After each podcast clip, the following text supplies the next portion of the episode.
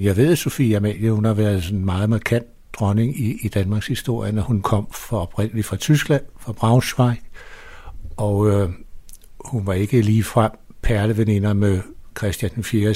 datter, Leonora Christina. De, de havde nogle, nogle opgør. Jeg synes, det er spændende at høre om, fordi så meget har jeg ikke sat mig ind i historien om Sofia Amalie. Det har jeg virkelig ikke.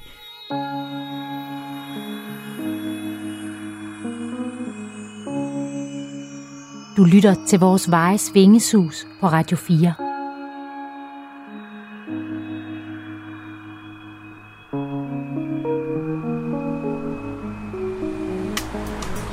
Jeg går rundt i øh, det gamle København, i det kvarter, der hedder Frederiksstaden, som blev anlagt i 1700-tallet i Indre By.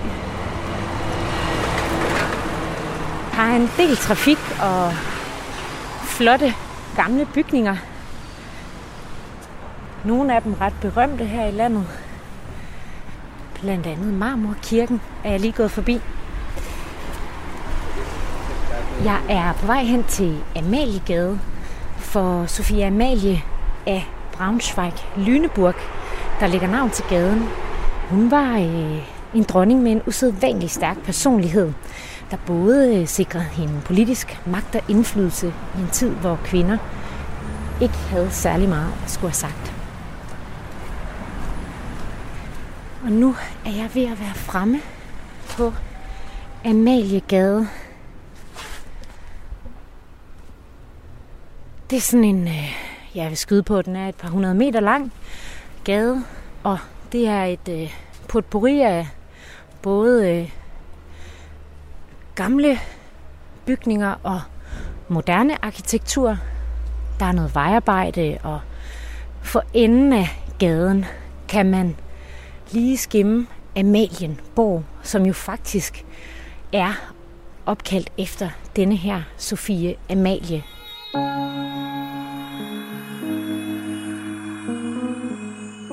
Vi går på dem, leger på dem, løber, bor og lever på dem. De danske gader og veje har i århundreder dannet ramme om vores liv, men hvad ved vi egentlig om dem? Og hvilke historier gemmer der sig bag deres navne? Mange gader er opkaldt efter mennesker, de færreste af os har hørt om, eller som er gået over i glemslen. Lokale helte, rige købmand eller forelskede poeter, som har gjort indtryk og sat aftryk på historien. I det her program tager Radio 4 rundt i Danmark for at undersøge, hvem disse personer var, og hvorfor de har fået en fast plads på det danske landkort. Det er historier om storhed, krig, kærlighed og fald, og hverdagen i Danmark gennem tiden. Det er vores Vejs Vingesus. I den her sæson dykker vi ned i nogle af de mere dystre perioder i Danmarks historie og kigger nærmere på de personer, der spillede en central rolle.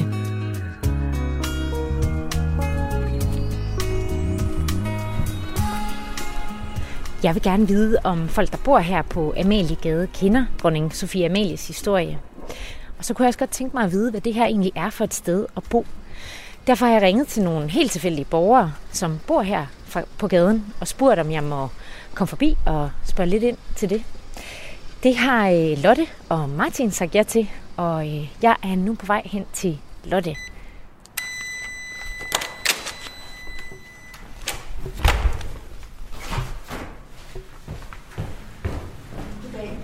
Goddag, er det Lotte? Ja, det er det. Hej. Kom indenfor. Tak skal du have.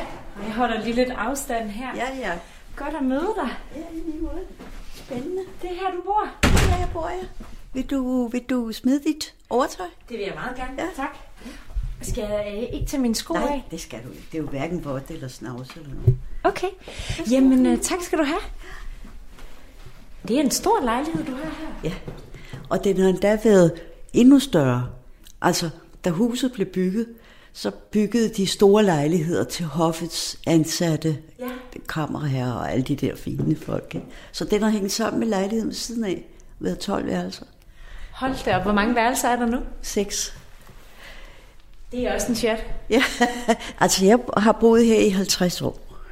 Og med tre små børn flyttede vi ind, min mand og jeg. Og så er de jo vokset op her. Og så har man jo fulgt med i alt, hvad der, har, hvad der sker i huset, og hvad der har sket i gamle dage. Og det har været rigtig spændende. Hvad sagde du? Undskyld, hvor mange år havde du boet her? 50 år. 50 år. Hvor gammel er du? Jeg er 85. Så du har boet en rigtig stor del af dit liv her? Ja, det har jeg. Jeg tænker også, det er ikke så tit, at folk kan sige, at de har boet det samme sted i 50 år. Nej, men jeg har jo også boet, hvad skal man sige, andre steder som barn, og som, da vi var nygift og sådan noget, så boede vi ude i Søborg. Og så havde vi nogle kontakter, så fik vi lejligheden her, ikke? Og så er det her for 7-8 år siden blev det andelsbolig, og det har været, hvad skal man sige, også en kamp, ikke? Man tror, når andelsbolig, så, så ejer man noget, ikke? Det gør man jo også. Men det er også stort arbejde at få det til at fungere, og folk ikke river hovedet af hinanden og sådan noget, ikke? ja. Er det her, vi skal Ja, vi sidder her. Ej. Vil du have kaffe? Ja, tak. Og hvad er det der? Det er roulade. Roulade fra Irma. Den er rigtig god. Den ser god ud. Ja. Det her hus har jo, altså det er bygget i 1880'erne, huset her, ikke? Og inden da, se her sukker, Tak skal du have. inden da var der, bare tag med fingrene, var der øh, et hospital, som hed Almindeligheden. Og det kaldte vi så, da vi indtil vi blev, blev øh, andelsboligforening, så kaldte vi vores boligforening for Almindeligheden. Og hvad kan du se huset? Er det nogle gamle, det er gamle billeder? billeder af huset. Og her boede så de der øh, stakkels mennesker, fattige mennesker, som ikke havde råd til, til almindelig lægebehandling. Og, det hed, og så flyttede, da det så ikke duede mere, fordi det var så uselt, så flyttede det over der, hvor Kunstindustrimuseet ligger nu. Ja. Du, du virker til at vide en del om det her område. Jeg, jeg synes også, det er så spændende, ikke? Lotte fra Amaliegade har godt styr på sin ejendoms historie. En ejendom, hvor hun har boet i 50 år. Den anden beboer fra gaden, som har sagt ja til at mødes med mig, hedder Martin. Hej, er det Martin? Ja, det er det. Hej, og det bliver lige hej med lidt afstand her. Ja, Hyggeligt at møde dig. ja men lige måde. Kom indenfor. Tak skal du have. Kan jeg lægge mine ting her? Det må du meget gerne. Tak. Må jeg byde dig en kop kaffe? Jo, jo tak, det siger jeg aldrig nej til. Nej, det er godt. Tak Hvis du vil gå indenfor. Ja, tak. Og det er simpelthen her, du bor, Martin. Ja. Og her har jeg boet siden 53. 1953. Ja, altså, så har jeg boet andre steder, men i samme ejendom, ikke? Okay, så du har boet i andre lejligheder her i Jeg ejendommen? boede henne i 34. Og så, da vi blev andelsbolig, så fik jeg mulighed for at erhverve det her, som er mit barndomshjem. Og det står for en større renovering hen ad vejen. Altså, er den her lejlighed, dit, er det her, du er opvokset? Altså, i, i princippet er jeg jo født ude på Vesterbro i Hedebygade, eller ikke født der, men der boede vi ude de to første år og flyttede herind i 53. Og så har jeg, ja, så kender jeg næsten ikke andet end det her, vel? Altså, det vil faktisk sige, at du har boet her størstedelen, størstedelen af dit liv. Det, det, det er herfra, min verden går, ikke? Fordi det, jeg kender i princippet ikke andet, vel? Så kan godt kalde mig en slags, en slags hjemmefødning, ikke? Så, ja, skal vi gå indenfor? Ja, tak. Du har rigtig mange bøger og CD'er. Er du, øh, er du særligt interesseret i litteratur og musik? at du kan se for eksempel sådan noget som Københavns historie, det ligger mig meget på, på sinde. Ikke? Altså nu, det der, det er også Københavns historie, og så er der noget verdenshistorie, og noget krigshistorie, og sådan noget der. Altså, det er sådan noget, sådan noget mere rustikt, ikke? Så det er ikke, du ved, skønlitteratur, det er ikke så meget mig. CD'erne, det er jo sådan nærmest fra dengang, hvor det var populært, ikke? Altså det, i dag, der downloader og streamer folk jo næsten alting, ikke? Så det, altså, jeg vil våge at påstå, at jeg har et utroligt bred smag det eneste, jeg ikke kan klare, det er sådan noget moderne 12 musik og sådan noget der, men altså alt lige fra jazz, klassisk, underholdningsmusik og sågar dansk top. Altså alt. Altså hvis det bare er, det er ikke alt musik, jeg kan lide, men det er alle typer musik, jeg kan lide. Ikke? Så Ja. jeg hælder lige en kop kaffe op. Ja, tak skal du have. Tak for det. Tak. Martin, har, har du tænkt over, hvem Sofie Amalie, der ligger navn til den her gade, hvem hun var? Jeg ved, at Sofie Amalie, hun har været sådan en meget markant dronning i, i Danmarks historie, og hun blandt andet havde det slot, som, som brændte herover i, det lå sådan set med ryggen ud til Fredericiagade, det brændte. Og jeg ved, at hun kom fra oprindeligt fra Tyskland, fra Braunschweig, og øh, hun var ikke lige frem perleveninder med Christian den 4. datter, Leonora Christina. De, de havde nogle, nogle opgør, og øh, men altså, det, min viden på det område er begrænset. Ikke? Jeg, jeg kender ikke, altså jeg kender ikke hele historien om, hun var dronning, ikke? Sofie Amalie. Men jeg ved, at hun havde det der lille sommerslot. Og det blev så revet ned i den forbindelse, at de lavede det, der hedder Frederiksstaden. Det er jo det, hele det her område hedder Frederiksstaden. Og så var det, de byggede Amalienborg, hvor Amalie i forbindelse med det har hun så lagt navn til. Men jeg kan ikke, jeg ved ikke, hvor mange år det er siden, det må jeg indrømme. Jeg har mere gået op i de regenter, der har boet i Amal- på Amalienborg, mens jeg har boet her, ikke? Hvor Frederik 9. boede her, og dronning Ingrid, og hver gang der var nogen af dem, der døde, så løb vi ned på Amalienborg Slotsplads, og så skulle de jo have, have skiftet garderne fra det ene slot til det andet slot, og det var meget bevægende. Så selve Sofie Amalie kan jeg ikke fortælle så frygtelig meget om. Andet hun har lagt langt til, øh, til den her gade, kan man sige. Ikke? Men så burde den jo også hedde Sofie Amalie-gade. Du har fortalt, at det er sådan en begrænset viden, du har om øh, Sofie Amalie. Kunne du tænke dig at, at vide lidt mere om hende? Ja, selvfølgelig, selvfølgelig. For netop for grund af, at det er så tæt på, både med, med gaden og med, med, med slottet og det hele der, så kunne jeg utrolig gerne vide, noget om, at vide mere om hende. Martin og Lotte kender lidt til dronning Sofie Amalie, men ikke hendes historie.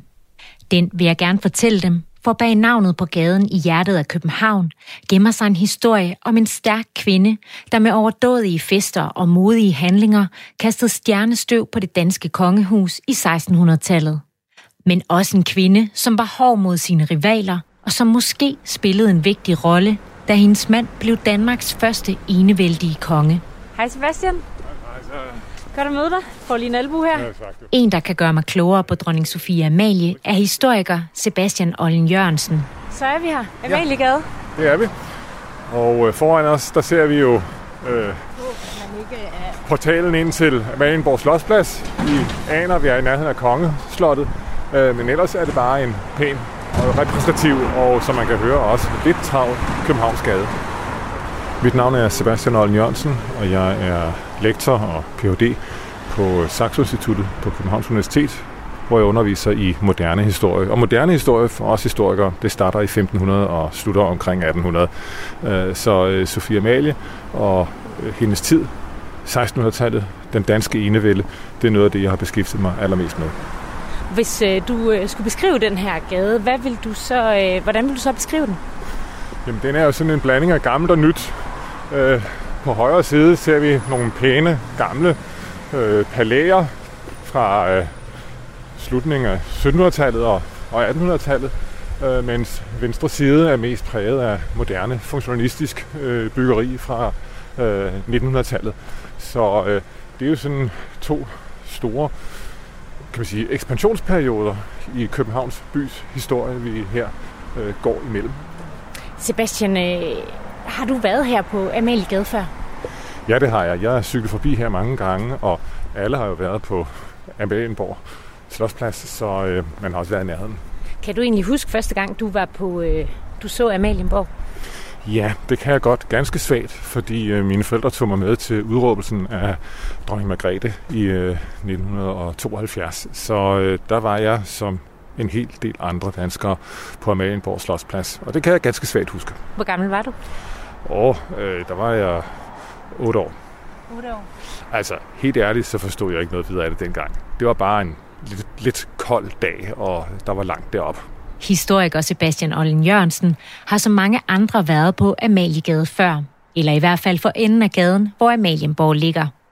Inden vi dykker ned i Sofie Amalies historie, spørger jeg beboerne Lotte og Martin, hvordan det er at bo lige ved siden af en af Danmarks mest berømte seværdigheder. Jeg ved, fra andre steder, altså når man siger, hvor man bor, så falder de næsten på, på, på rumpen øh, ved tanken om, at nej, hvor må det være lækkert, men som jeg, som jeg har sagt før, det er altså det, jeg har altid boet her, for jeg opfatter det som, som ikke noget særligt, og alligevel noget særligt, ikke?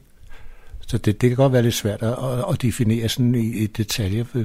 Men for mig er det jo helt naturligt at bo her. Jeg, men jeg ved meget, at det er meget eftertragtet at komme herind og bo. Er du glad for, er du glad for at bo her? Ja, ja. Jeg håber, jeg kan bo her til at lukke mine øjne. Hvad er det, der er godt ved at, at bo her? Jamen altså, det er jo hele området også, ikke? Og, og, og efterhånden kender man jo også en del folk, der bor her i huset, ikke? Så øh, ikke fordi vi render dørene altså ned hos hinanden, men man kender hinanden og får en sludder. Og... Kan du godt lide det, ja. at, øh, at ja. få en sludder med dine naboer? Ja, det kan jeg godt. Som jeg også indledningsvis sagde, det er, altså, det er, det er sådan det, jeg opfatter som min verden. Ikke? Og det, der er, er dejligt ved at bo her, det er jo, at forholdsvis stille alligevel så er det tæt på, hvis du for eksempel vil til tand og fjæs og sådan noget der, så, så er det jo kun en stenkast, og så er du inde, inde midt i byen. Ikke? Så altså, det er et pragtfuldt sted at bo. Jeg kunne ikke tænke mig at bo andre steder, altså hvis jeg skulle bo i en by. Ikke? Du bor jo næsten lige ved siden af Amalienborg. Ja. Det tænker jeg må også må præge det her område. Gør det det? Ja, lidt. Men altså, det er jo ikke, fordi man ser så meget til selve kongefamilien som sådan. Man kan nogle gange se bilerne køre forbi hernede jeg har da også for ganske nylig, kronprinsen, han gik og luftede sin ud, og så skulle jeg ind af min port med min rollator. Nu skal jeg, så han så lukket porten op for mig. Tak skal du have, sagde jeg så. Kom, røg der lige et du ud? Ja, det, det synes jeg, der gjorde, ikke? fordi han gjorde det så spontant. Ikke?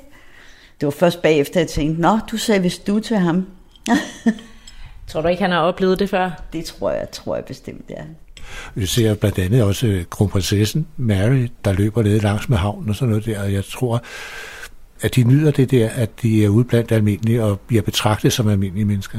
Men altså, dronningen kan jo ikke gøre det samme, fordi at, at tidernes ugrunst har jo gjort blandt andet, at, at der bliver passet ekstremt godt på, ikke? Altså både med Secret Service og, og, og sådan nogle folk der. Men før i tiden, altså øh, hvis du går måske 30-40 år tilbage, så så vi det her til hun gik ud og handlede. Både Martin og Lotte er glade for at bo på den centrale og lidt royale Amaliegade, hvor de begge har tilbragt størstedelen af deres liv. Men hvem var Sofie Amalie af Braunschweig-Lüneburg, som gaden og Amalienborg er opkaldt efter? Øh, Sofie Amalie var en dronning, øh, en af dem, man husker, øh, og hun gjorde indtryk på sin samtid. Hun var en stærk kvinde, på godt og på ondt. Og så satte hun også et præg på hofkulturen, på øh, hvordan man festede, øh, og hvordan man kastede glans over kongehuset. Hun var en stærk personlighed, øh, og det betød også, at hun fik politisk indflydelse. Øh, der var mange, der mente, at hun var den, der i det afgørende øjeblik puffede, skubbede Frederik den 3. lidt i ryggen, så han trådte frem og greb den enevældige magt. Ifølge historiker Sebastian Ollen Jørgensen var Sofie Amalie altså en stærk kvinde og dronning med politisk indflydelse. Men hvordan ender den tyske Sofie Amalie som en magtfuld dronning i Danmark?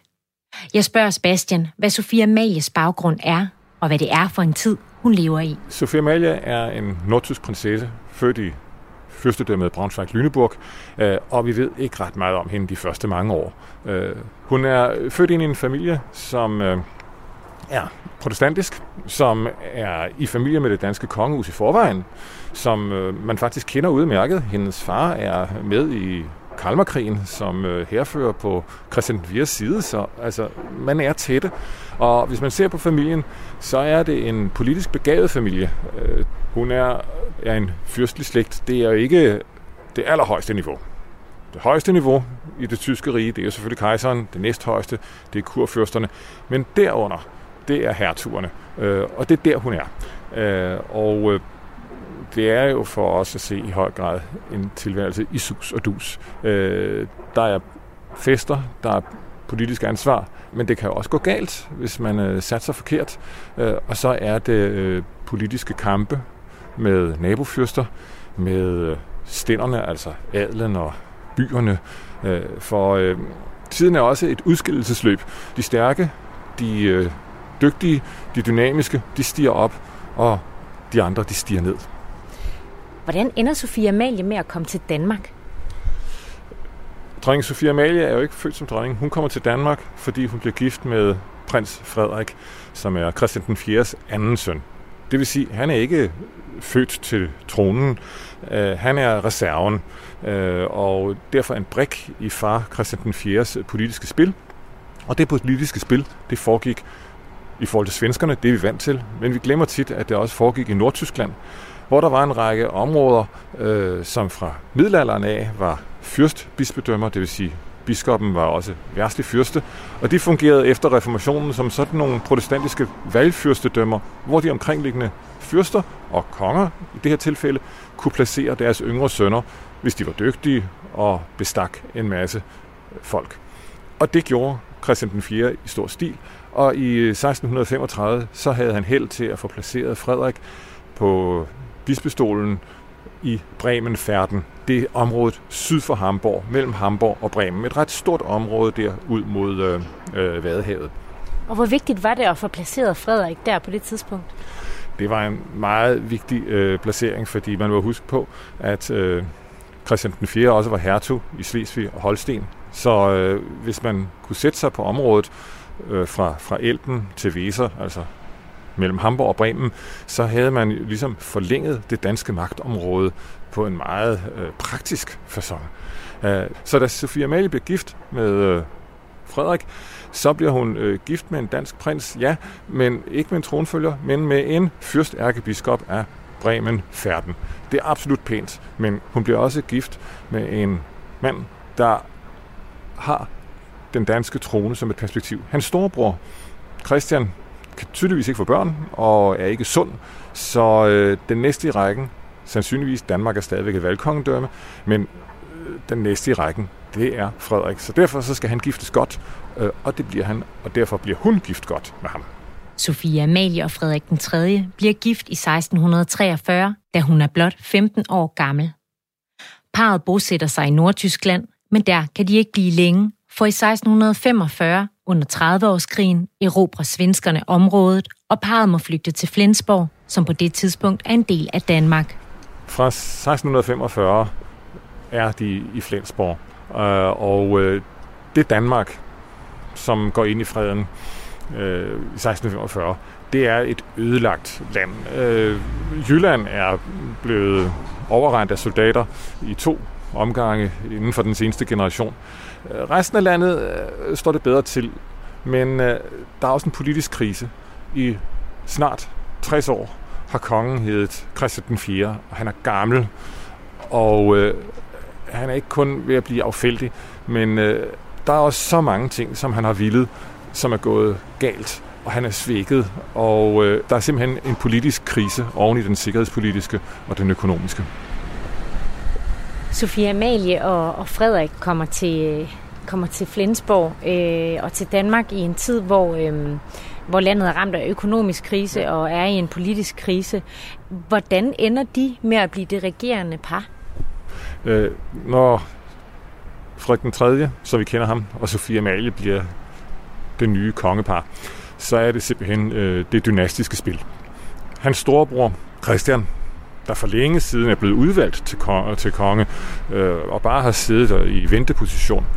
Han dør i sensommeren øh, 1647.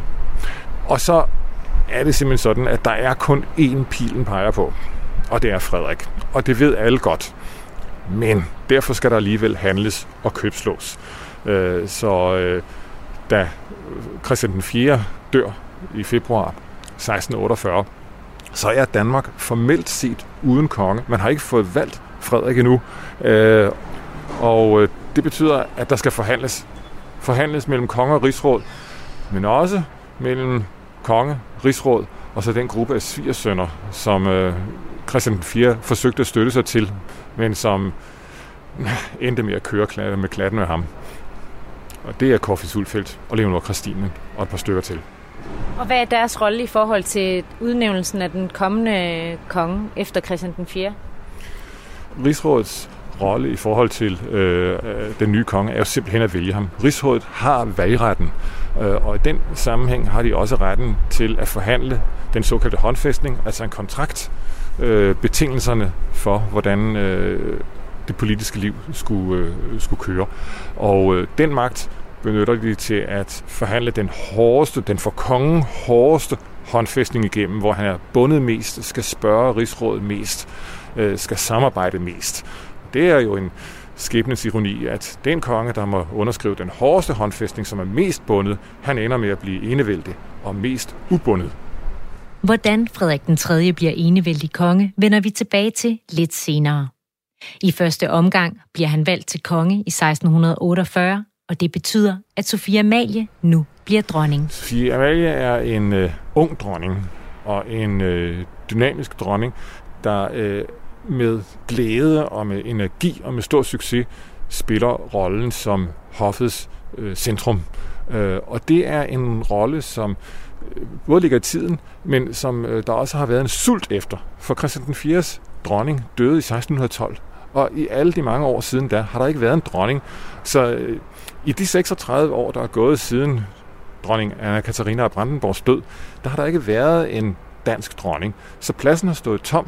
Der har manglet noget. Leonor Christine, altså en af Christian den 4. døtre med Kirsten Munk, har sådan delvis kunne fylde noget af pladsen ud, men hun var ikke dronning. Det er der kun en, der kan være, og nu, var der, nu er der endelig en. Hvor vigtigt var det for, for, for Danmark, at der var en, en dronning på det her tidspunkt? Du siger, der, der var et hul, der skulle fyldes ud. Er det noget, man går op i, at der er en dronning på det her tidspunkt? Man går meget op i, om der er en, en dronning. Det, så skal hun jo øh, føde nogle børn, så øh, kan vi sige, dynastiet kan fortsætte. Men øh, hele det sociale og dermed også det politiske øh, og det kulturelle liv ved hoffet, det er øh, også afhængigt af, der, af, at der er kvinder, og der er en dronning. Uden det, så mangler der noget, øh, og der er ting, man ikke kan gøre. Øh, så øh, derfor er det meget, meget værdsat. Sofia Amalie øh, bringer et, kan sige, et frisk pust. Hun bringer det nyeste nye ind i dansk hofkultur. Øh, og hvad er så det nyeste nye? Øh, ja, det er franske møbler og franske og tyske musikere, og så er det sådan noget som hofballetter. Det er en slags musicals, hvor øh, både professionelle og medlemmer af kongehuset optræder. Optræder hun selv? Ja, og dronning Sofie Amalie optræder selv adskillige gange og øh, gør det godt. Øh, hun kan både synge og, og danse.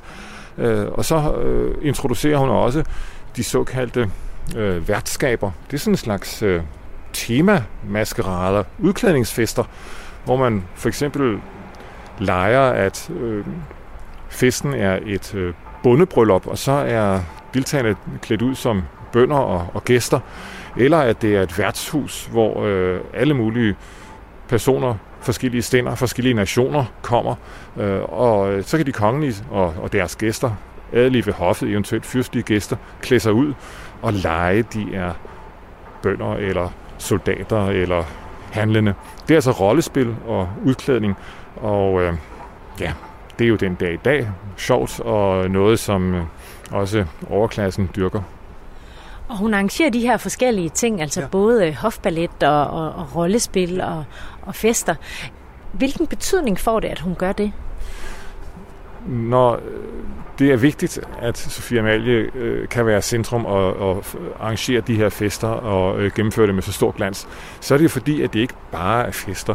Øh, det er også lejligheder, hvor der bliver kastet glans over kongehuset, over Danmark, og der bliver knyttet forbindelser, der bliver skabt et socialt miljø, øh, der bliver skabt loyalitetsbånd. En fest er ikke bare en fest, den er også udtryk for fællesskab, for alliancer, for magt. Så de er faktisk ret vigtige, sådan nogle arrangementer her? De er vigtige, og de, disse øh, fester var, var vigtigere dengang, end de er i, i dag. Øh, det må man helt klart sige. Sofia Amalie bliver med sine fester og sociale evner en populær dronning. Men ikke alle ved hoffet er lige begejstrede for den unge Sofia Amalie. Når øh, dronning Sofia Amalie med øh, en sådan øh, energi greb chancen og øh, gav den som, som hoffets centrum og øh, brillerede, øh, så må man jo også forstå, at der var en anden, der dermed blev skubbet til side.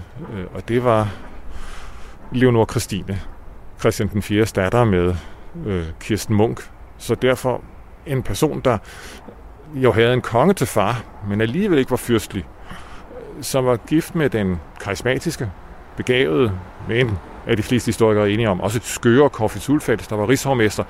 Hun havde jo i Christian 4. sidste år givet den som en slags uofficiel første dame, og hun havde nyttet det hver eneste sekund, og hun måtte nu træde tilbage. Det var ikke morsomt. Og der er jo den fortælling, som måske er rigtig, måske bare et symbol på konflikten mellem de her to kvinder, at øh, ved Sofia Amalies kroning, øh, så var kronen, som hun skulle krones med, udstillet hos guldsmeden, og øh, der så Leonor Christine den og holdt den i hænderne, og der kom hun til at tabe den. En øh, udspekuleret ondskabsfuldhed, hvis det er sandt, og i modsat fald altså bare en historie, der sætter ord på forholdet mellem de her to. Forholdet mellem dronning Sofia Amalie og Christian den 4. datter, Leonora Christine, er betændt. Og det er forholdet mellem deres mænd også. Altså en ting er, at disse to kvinder, Sofia Amalie og Leonora Christine, er rivaler. Men der er også store politiske stridigheder og modsætninger mellem rigshovmester Corfitz Ulfeldt og Frederik den 3. Og øh, hans embedsførelse bliver undersøgt, og han har været korrupt, og der er øh, de mest vilde rygter om øh, morplaner, at kongeparet skal forsøge at planlægge, eller planlægger mor på Corfitz Ulfeldt og Leonor Christine, og vice versa. Og det hele kulminerer med, at øh, Corfitz Ulfeldt og Leonor Christine en tidlig morgen flygter og har en jagt liggende op ved Gilleleje og øh, sejler til Nederlandene. Senere går de i den svenske konges tjeneste, øh, rager uklar med ham, kommer tilbage til Danmark, bliver fængslet, bliver tvunget til at øh, afgive alt, og øh, det hele slutter med landsforræderi. Korfitz på en rejse i Amsterdam, der kontakter han den øh, brandenborgske gesandt og tilbyder simpelthen kurfyrsten af Brandenborg den danske trone. Han skal nok fikse et oprør. Øh, det er klokkeklart højforræderi. Der er altså en del drama forbundet med Korfits Ulfeldt og Leonora Christine, som har flygtet fra Danmark efter Korfits forræderi. Med Leonora Christine ude af billedet, kan Sofia Amalie fortsætte arbejdet med at styrke sin og kongehusets position. Det vi ser i de første år efter 1648, hvor Sofie Amalie er blevet til dronning Sofie Amalie. Det er ikke bare en, et ungdomligt overskud. Øh, det er ikke bare en trang til at sætte sig i respekt og presse andre, altså Leonor Christine og Korfis Ulfeldt, ud. Man kan se, at det fortsætter. Fester af forskellige typer arrangerer hun. Hun har øh, livet igennem den her evne og vilje til at være et øh, midtpunkt. Og øh, til at øh, en, en, øh, en evne og vilje til at øh, gøre indtryk på, ved sin stærke personlighed øh, og til at politisere.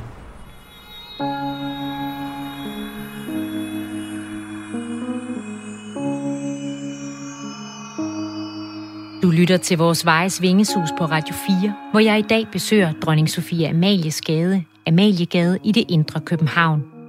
Her fortæller historiker Sebastian Ollen Jørgensen, at Sofia Amalie har en stærk personlighed, der er med til at forme hofkulturen og styrke kongehuset.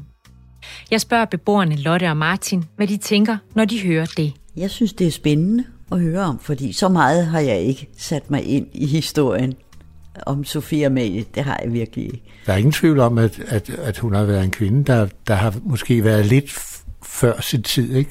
At hun har ikke været den der lille stille kone, der er gået hjemme.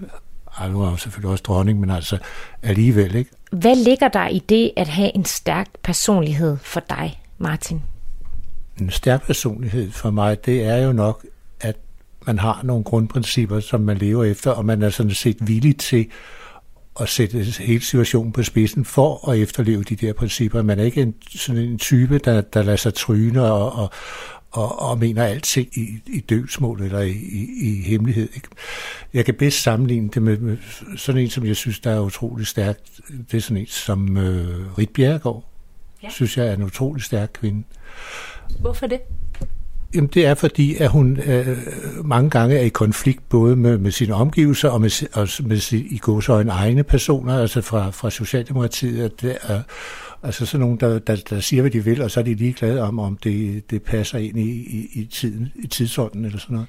Det er jo rigtig vigtigt, og hvis man har en stærk personlighed, at man udnytter den positivt, så folk sætter pris på, at man har en stærk personlighed, i stedet for at sige, hvor herre bevares, ikke?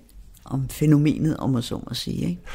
Jeg synes også mange gange, kvinder øh, har en tendens til at være stærke, men altså det, er sådan, det kommer ikke så meget frem, men de, de skal nok få deres vilje, og så sidder manden tilbage med, med overbevisning om, at det var ham, der bestemte, og det er øh, trods alt hende, der har fået sin vilje. Ikke? Men altså, det, jeg synes, det er meget diplomatisk lavet, og det er sådan meget kvindeligt i mine øjne. Altså, jeg, jeg kan selvfølgelig fremhæve min mor, som var, øh, altså, på papiret var en meget mild kvinde, men altså det, når jeg ser tilbage på det, så, så hele vores opvækst og sådan noget, den var sådan set formet af hende, ikke? til trods for, at det, det var min far, der troede, at der var han bestemt ikke. Det, det gjorde han ikke. Hvordan, hvordan kom det til udtryk? Jamen altså sådan mange ting, altså, altså hun kunne for eksempel foreslå et eller andet, ikke? hvor han så umiddelbart siger, nej, det har vi ikke råd til, eller det, det er for dyrt, eller ej, det synes jeg ikke er nogen god idé. Og så måske senere hen, så var han kommet på en god idé, at øh, for eksempel øh, tage derhen og sådan nogle steder, som hun egentlig oprindeligt havde foreslået, ikke? men øh, nu fik han det til at fremstå som om, at det var ham, og så, du ved, så hun bare til, nej, men det er også en rigtig god idé, du har fået lille far, ikke? Altså, ja, så det, det, det, det synes jeg, altså der kan man godt være stærk, bare på en lidt anden måde, ikke? Altså hvor man sådan set ikke kommer i konflikt med nogen, men får sin vilje alligevel, ikke? Så det, det er to forskellige kvindetyper, jeg her fremhæver, ikke? Har du en stærk personlighed? Det synes jeg. Det synes jeg. Hvorfor det? Det er nok, at jeg er meget øh, impulsiv.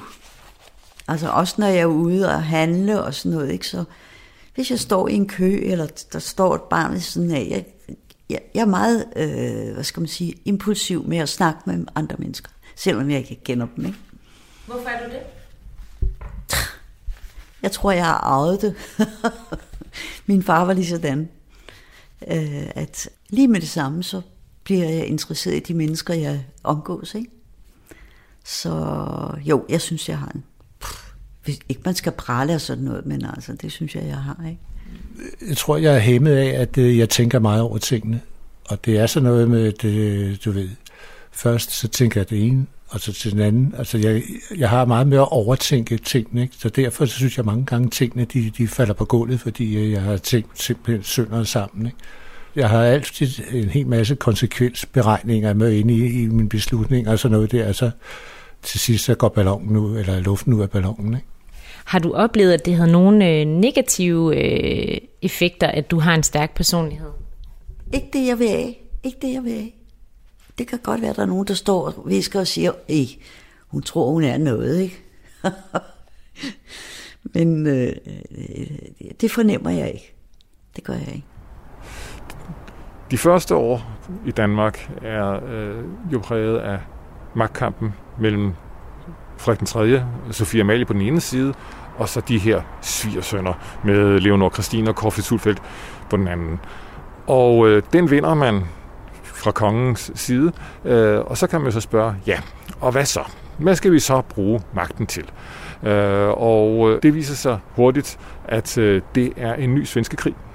Øh, den starter i 1657, hvor Svenskerne er gået i krig i Polen og har fået så store problemer med så mange andre, at man fra dansk side, i hvert fald fra kongemagtens side, tænker, at nu må vi hjælpe med at give den vaklende kære et sidste puff, sådan så svenskerne lider det helt store nederlag, og vi måske kan score en gevinst. Det går, som nogen måske vil vide, grueligt galt. Svenskerne kommer i stedet, de marcherer over bælterne, øh, og Danmark bliver tvunget til en øh, forfærdelig ydmygende fred i Roskilde i 1658, hvor Skåde og Halland og Blekinge går tabt. Men freden er kun kort. Svenskerne bryder den og kommer tilbage og belejrer København, øh, og øh, landets skæbne hænger virkelig i en tynd tråd. Og hvorfor, øh, hvorfor bryder svenskerne freden? Svenskerne bryder freden, fordi det mm, nærmest er det eneste øh, fornuftige at gøre. Krigen i Polen går stadigvæk dårligt, øh, og øh, man frygter ganske givet med rette, at hvis man tog til Polen og slås videre, så ville danskerne benytte den næste lejlighed til at falde svenskerne i ryggen. Og det skyldes blandt andet, at den fred, man har tvunget Danmark til, nærmest gør Danmark til en svensk lydstat, og det var ligesom uacceptabelt. Men der kommer altså en ny krig, og øh, i den nye krig fra 1658 til 60, hvor København bliver belejret, og hvor øh, det virkelig er en afgørende kamp. Der er det ikke som under den første krig, hvor man tabte modet og øh, indgik en ydmygende fred. Nej, man kæmper. Nu slås man, eller også så er landet udslettet. Og man vælger at kæmpe, og man vælger at kæmpe med kongen og dronningen i spidsen. Øh, svenskerne har stort set besat hele landet. København bliver belejret, øh, og øh, noget helt usædvanligt, der sker på det her tidspunkt, det er, at øh, svenskerne ligger derude, kuglerne flyver ind over volden, og kongeparet, både Frederik den 3. og Sofie Amalie, rider rundt på volden hver dag for at holde moralen oppe. Man kan sige, at det lå i kongens jobbeskrivelse at gøre den slags. Men at hun også gør det, og i øvrigt at den lille kronprins, Christian den 5., den senere Christian 5. også er med, det var ekstraordinært. Det var noget, der også skabte respekt, skabte et bånd mellem kongehuset og befolkningen. Hvorfor gjorde hun det? Ja, hvorfor øh, blev hun ikke bare derhjemme? Det kunne hun have gjort. Ja, øh, i ekstraordinære situationer, øh, så er der meget at vinde og meget at tabe. Og den overlegne begavelse, den overlegne politiske og sociale begavelse, øh, Øh, viser sig jo netop ved, at man i sådan nogle ekstraordinære situationer gør det, man ikke kan læse i bogen, men som viser sig at være det rigtige. Øh, Frederik den 3. kunne jo være flygtet. Der var også folk, der sagde, da svenskerne kom, at han burde tage en båd og sejle til Norge eller sejle til Nederlandene. Man, var, man var, havde en alliance med Nederlandene. Altså, gør noget andet. Men man bliver, og man gemmer sig ikke. Øh, og øh, det er jo et stærkt symbol.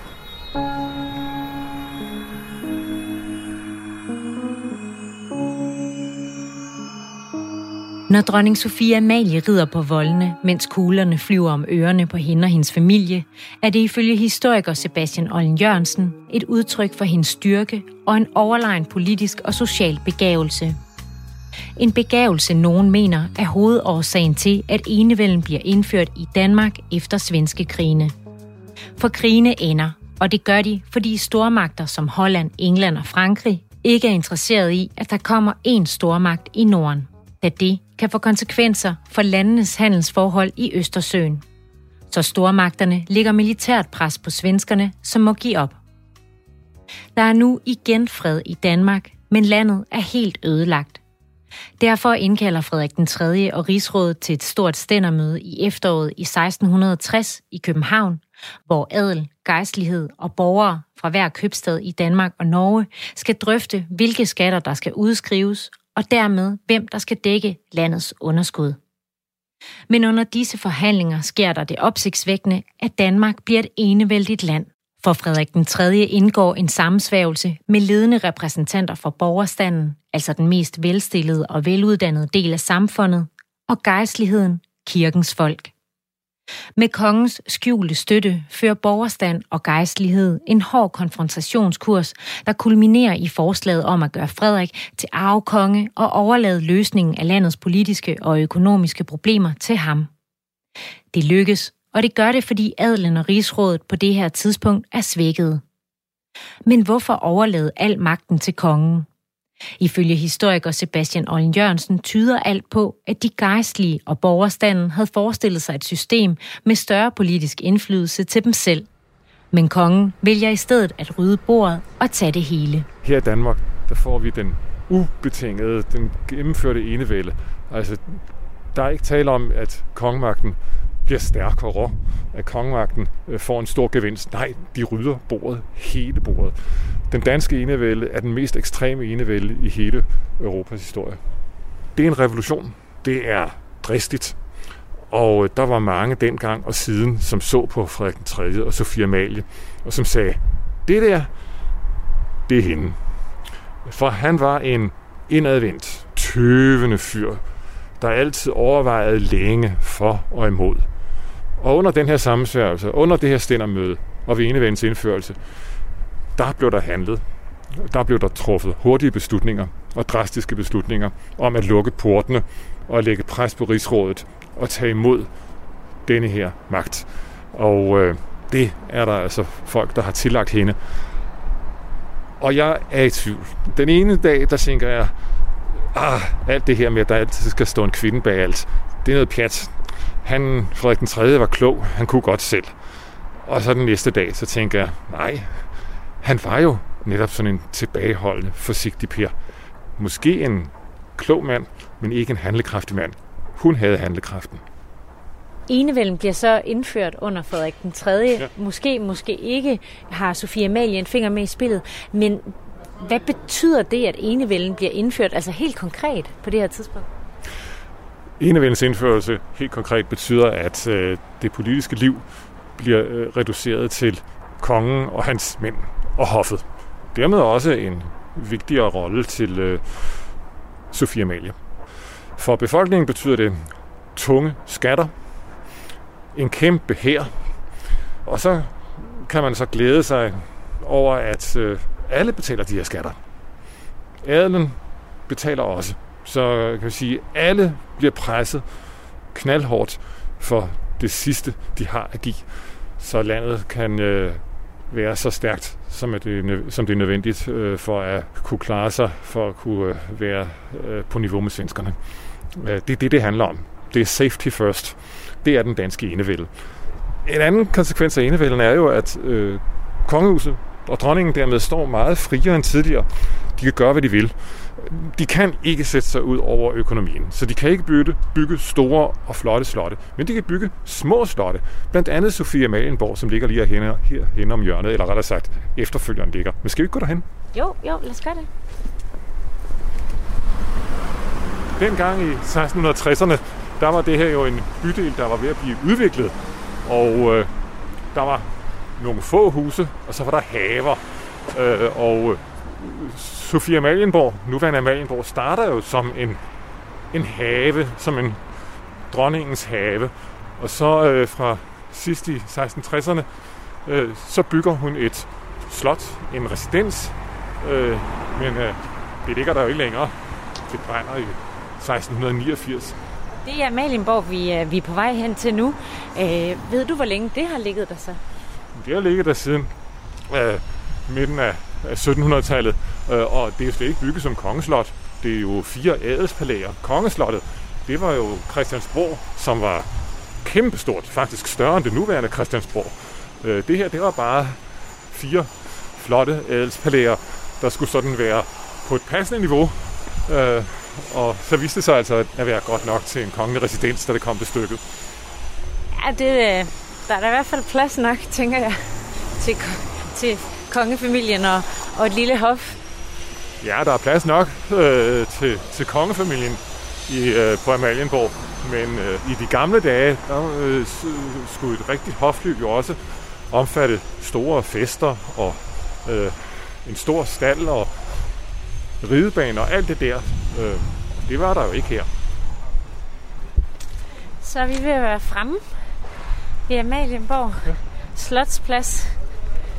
Lidt flagede veje, og kongefamilier hjemme, og øh, garderne står vagt.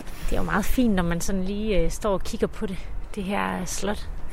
Ja, øh, det er en dejlig plads.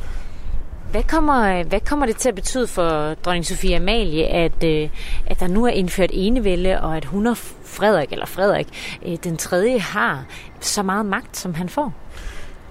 enevælden kommer til at betyde det for Sofie Amalie, at hun langt hen ad vejen kan få sin vilje. I hendes liv som øh, hoffets centrum, der må man sige, der kan hun virkelig slå sig løs. Hun kan feste, hun kan holde sine øh, temafester, øh, hun kan brillere, hun kan bygge Sofia Malenborg, hun kan bygge Dronninggård, hun kan øh, gøre rigtig meget der. Øh, på det snævre politiske felt, øh, der må man sige, at der går hendes øh, indflydelse tilbage. Øh, de folk, hun støtter, den politiske linje, hun støtter, nemlig en fransk alliance, den, øh, den, den taber. Den taber. Øh, men der er én ting, hun stadig kan, og det kan hun til hun dør. Hun kan hævne sig. Der er fjender, der må lide, og øh, den, der har lidt mest, det er jo Leonor Christine. Okay, Leonor Christine var gift med Korfi Tulfeldt, og han var landsforræder, og han endte med at tilbyde den brandenborgske kurfyrste Danmarks krone, altså simpelthen sige, du skal bare komme, jeg skal nok sørge for, at der bliver lavet oprør. Det er jo virkelig landsforræderi øh, i topklasse. Og det vidste hun selvfølgelig alt om, Leonor Christine. Og hun bliver også fanget. Hun bliver buret inde i Blåtårn, og så får hun sådan set valget. Leonor Christine skal bede om noget, fordi Koffis Ulfeldt var jo og var blevet dømt som landsforræder. Og hun skulle indrømme, at hun var fuldt orienteret om de planer, at hun var medskyldig. Og så skulle hun så bede om noget, og det ville de sikkert give hende, men de ville have, at hun ydmygede sig først. Og det ville hun ikke. Og så lå de hende rådne op i fængslet. Leonor Christine sidder i fængsel i Blåtårn i 22 år og bliver først sluppet ud, da dronning Sofie Amalie er død. Et par uger efter dronning Sofie Amalies død, så tager Christian den 5. den beslutning, at øh, Leonor Christine skal frigives og kan få lov til at øh, øh jeg kan få sin frihed. Og hvad skal man sige til det? Dronning Sofie Amalie lod Leonor Christine rådne op i fængslet, eller øh, i hvert fald lide 22 år. Og ikke kun lide 22 år i fængsel. Det var 22 år uden proces og dom. Altså, øh, og det var grænseovers, det, det ville være grænseoverskridende i dag, og det var også grænseoverskridende dengang. Øh, og hvordan skal man forklare det? Øh, for Leonor Christine var det klart, at øh, dronning Sofia Amalie var, var ond og hævngærig. Ja, hævngærig, det tror jeg godt, man kan sige. Men man kan også øh, dreje det lidt og sige, at Sofia Amalie var en stærk kvinde på godt og på ondt. Og Leonor Christine fik det under at føle.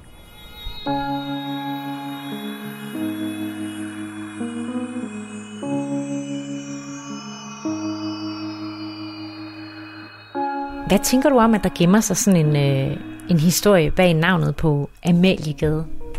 Jamen, det synes jeg er uhyre interessant, og jeg er da kun glad for, at øh, jeg er blevet oplyst lidt mere, fordi det, det er der givet mig blod på tanden til eventuelt at, at prøve at, at grave lidt dybere i det selv. Fordi at, øh, det er åbenbart ikke en, en hvilken som helst dame, vi har med at gøre. Jamen, det synes jeg, der er spændende, ikke altså? Men, men det kan godt være, at det er øh, naturligt, at man finder på at opkalde en gade efter hende, fordi hun har været en stærk personlighed, ikke?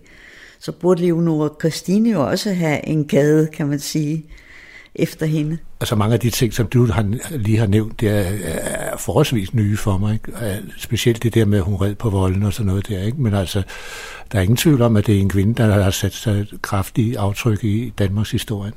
Det er sådan set det, det, jeg sidder tilbage med. Hvis jeg kan prøve at sætte mig ind i tiden, så, jamen så øh, alene det der, at hun er, er dronning til en enevældig monark, det gør jo selvfølgelig, at, at, at hun føler, at, at hun har retten til at gøre, som hun gør. At der så måske har været en snært af hævngærighed og sådan noget, det, ja, det kan man jo ikke sige sig helt fri for. Vel? Altså det, jeg ved godt, det er ikke nogen særlig god egenskab at have, men altså, vi har jo alle sammen følt, at det, det kunne være meget rart, hvis det gik dem, vi ikke bryder os om, lidt dårligt. Ikke? Det, det var ikke kun positivt, alt det hun gjorde. Men hun melede sin egen kage, sådan, så hun selv fik det godt. Ikke? Og de folk omkring hende må, må jo have syntes, det var okay. Ikke? Hvad tænker du? Ja, det ved jeg ikke. Jeg tror måske, det har været lidt for meget. Ikke? Kommer den her viden til at ændre måden, du opfatter den her gade på? Jeg synes, det bliver, det bliver sådan noget, noget krømmel, der kommer ovenpå på min glæde ved at bo i gaden i forvejen. Jeg, jeg synes at det er spændende nu at have fået at vide, at det var på grund af Sofia Amalie, dronning Sofia Amalie, at den her gade så fik det navn. Ja. Hvor den dog kun hedder Amaliegade. Altså det, det er jo altså dybest set et historisk kvarter, og hvis man kan fylde det ud med sådan noget som det, de, de der detaljer, du kommer med, så det er da klart, altså det kommer til at kigge på det på en lidt anden måde.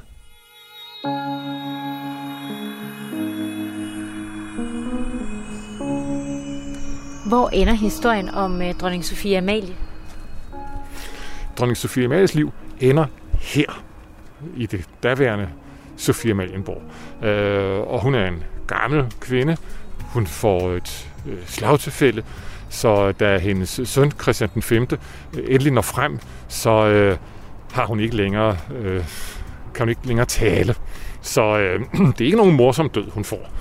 Og øh, der er jo folk, der også har godt over det, øh, fordi de vidste, at over i den anden ende af byen, der sad Leonor Christine i Blåtårn. Men øh, hun dør altså her i sit slot. Dronning Sofie Amalie, hun har, øh, du har fortalt, at hun har en stærk personlighed på, på, øh, på godt og ondt. Øh, den øh, gavnede nogen og gik ud over nogle andre. Men hun har jo fået øh, ikke bare den her gade opkaldt efter sig, men også nogle andre rundt omkring i landet. Synes du, hun har øh, fortjent øh, at få øh, de her faste pladser på det danske landkort? Ja, det synes jeg. Hun har sat et aftryk på Danmarks historien. Øh, hun er en øh, dynamisk øh, skikkelse, øh, og det, at hun har både kan sige, mørke og, og lyse sider, det gør hende jo bare øh, lidt mere spændende, og måske også lidt mere som ellers andre. Sebastian, øh, tak fordi du vil gøre mig klogere på, hvem øh, dronning Sofie Amalie var, der altså ligger navn til Amaliegade i øh, København. K i hjertet af København, hvor vi står nu. Tak lige meget.